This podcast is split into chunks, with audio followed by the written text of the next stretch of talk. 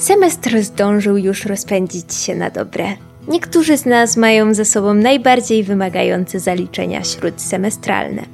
W takich momentach nic na wskaźniki studenckiego stresu nie działa tak kojąco jak majówka.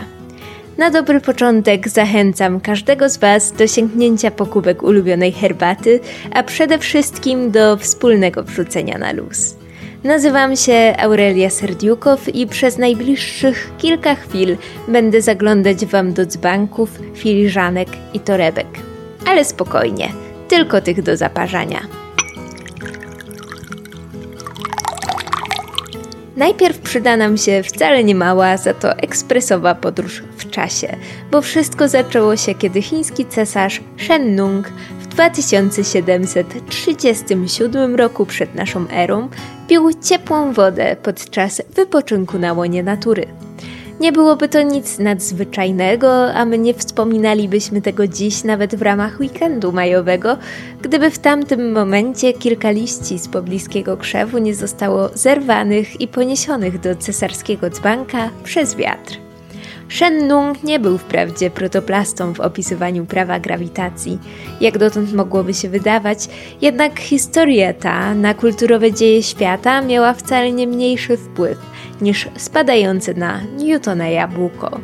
Otóż, kiedy tylko cesarz posmakował kolejnej czarki naparu, oczarował go aromat pierwszej w historii wypitej herbaty, a uczty na dworach chińskich władców już nigdy nie wyglądały tak samo. Trzeba nam bowiem wiedzieć, że krzew, którego liście wpadły do ciepłej wody, nie był krzewem byle jakim, a dziko rosnącą herbatą.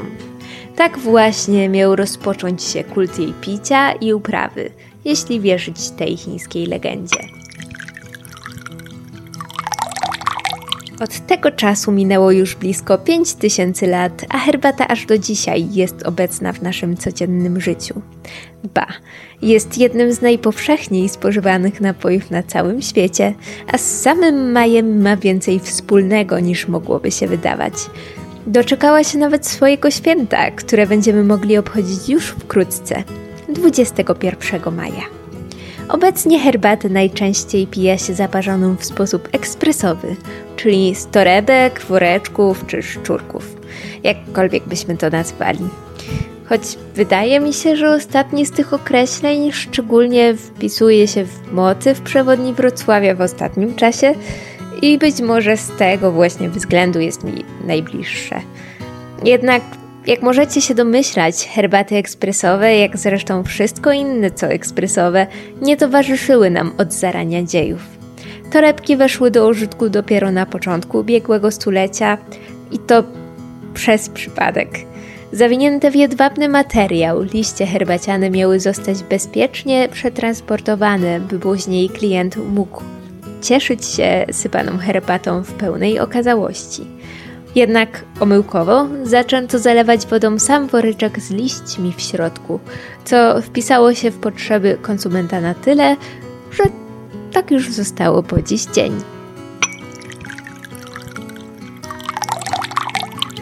Każdy z nas kojarzy herbatę z jakimś określonym smakiem. Czy to suszonych malin, bergamotki, czy goryczy powszechnie przypisywanej zielonej herbacie. Gama smaków wydobywana z rośliny Camellia sinensis, czyli krzewu herbacianego, jest jednak znacznie szersza. I to nawet z wykluczeniem herbat aromatyzowanych czy owocowych, które to nawet herbatami nie są, ale o tym później. Zatem wykreślmy suszone maliny czy bergamotkę, a nawet i gorycz z naszego ciągu skojarzeniowego i omówmy krótko kolory herbaty. A jest co omawiać, bo wyróżnia się ich w sumie aż sześć. Barwa herbaty zależy tak naprawdę od sposobu jej przetwarzania. Oznacza to, że za wszystkim stoi jedna z dwóch odmian krzewu herbacianego. Wspomniana już wcześniej Camellia sinensis albo rzadziej Camellia asamica. Tym samym oznacza to, że czerwonokrzew, czyli rojbos, jak i ostrokrzew, czyli yerba mate, czy tak zwane herbaty owocowe, rozumiane jako susze z owoców, nie są herbatami, choć zwykło się je tak nazywać. Wyjątek stanowi herbata owocowa, zawierająca przykład liście herbaty czarnej, co klasyfikuje ją jako herbatę aromatyzowaną lub nazwijmy to blend, mieszankę herbacianą. Właściwe kolory herbaty, uporządkowane kolejno zależnie od stopnia złożoności procesu przetwarzania, to herbata biała, zaledwie ususzona i już gotowa do zaparzania, w smaku kwiatowa i słodka. Herbata zielona, wytwarzana ze szczytowych liści krzewu, po ususzeniu poddawana obróbce wysokiej temperatury. W smaku znajdziemy nuty kwiatowe, aromat świeżo skoszonej trawy, a także co często bywa zaskakujące, umami. Herbata żółta, najrzadziej występująca, niegdyś przeznaczona jedynie dla cesarza. Produkcją przypomina herbatę zieloną, ale dodatkowo wystawia się ją na wilgotne i ciepłe środowisko, w smaku delikatniejsza niż zielona. Znajdziemy tam też lekko orzechowe nuty. Herbata ulung, inaczej turkosowa albo niebiesko-zielona, Cechuje się złożonym procesem wytwarzania, a jej liście są zwykle zwijane i przypominają małe kuleczki, które podczas parzenia się otwierają. Ulungi mają szeroką gamę smaków od kwiatowych przez orzechowe aż po ziemne. Herbata czarna, a w Chinach nazywana herbatą czerwoną.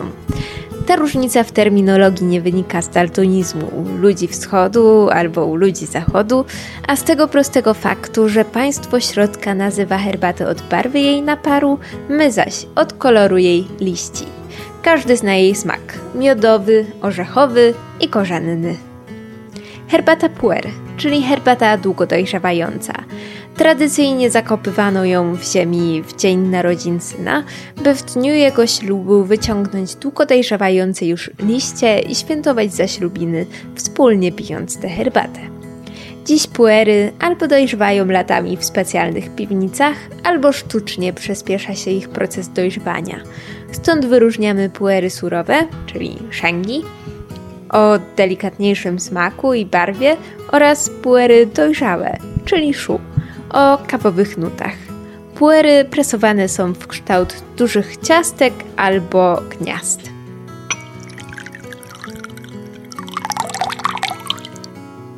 Myślę, że to dobry moment, aby wprowadzić trochę matematyki, co by nie rozleniwić się za bardzo na tej majówce. Kolorów herbacianych wyróżnia się sześć. Sama barwa zależy jednak jedynie od sposobu produkcji. Poza produkcją, ważnym czynnikiem dla smaku herbaty jest teren, w którym krzew rośnie, panujący wokół klimat, czy wysokość nad poziomem morza. Już samo to zwiększa liczbę wariacji i wyjaśnia, dlaczego wśród zielonych wymieniamy herbatę sencia, macia, gyokuro, tamariokucia, kamacia i wiele innych. A to dopiero herbaty z Japonii, która nawet nie jest przodownikiem w ich produkcji.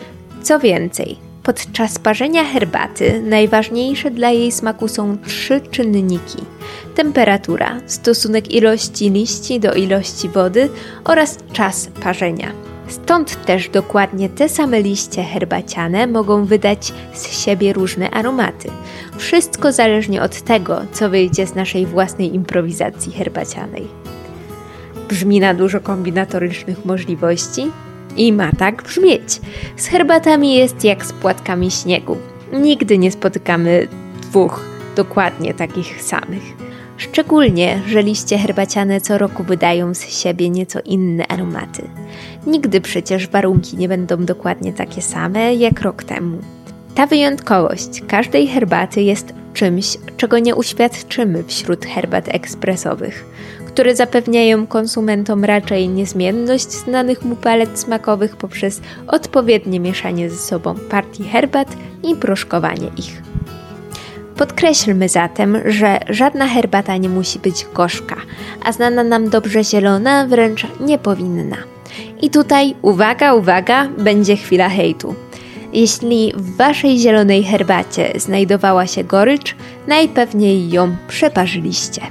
Źle dobierając te trzy kluczowe parametry, o których mówiłam. Nie ma co się jednak zanadto troskać. Sztuka parzenia herbaty nie jest niczym bagatelnym. Pisze się w końcu o tym całe książki, przechodzi długie i wcale nie tanie kursy, tworzy specjalne naczynia do parzenia, takie jak gajłany czy Shiboridasi, a sam rozwój tradycji ceremonii herbacianych trudno opisać jednym zdaniem. Dlatego gwarantuję Wam, że w tematyce herbacianej pozostało nam jeszcze wiele kart do odkrycia. Więc jeśli jeszcze nie znaleźliście swojego smaku w herbacie, mogę Was zapewnić, że gdzieś tam się skrywa i czeka na Wasze odkrycie. Wariacji smakowych jest w końcu cała masa. A jeśli macie już swoich herbacianych ulubieńców, to fantastycznie. To dopiero początek całej frajdy szukania złotego środka wśród sposobów parzenia. Póki co, chwytajcie za sitka i dzbanki, kubki kajłany czy siboridasi i szukajcie siebie w herbacie. W domu, w ogrodzie, w górach, nad morzem, gdziekolwiek weekend majowy tym razem Wam się przydarzył. Najważniejsze, żeby chcieć poświęcić herbacie chwilę uwagi i zwyczajnie się nią cieszyć. Jeśli smak danej herbaty nas do siebie nie przekona, być może przynajmniej rozsmakujemy się w radości z jej picia.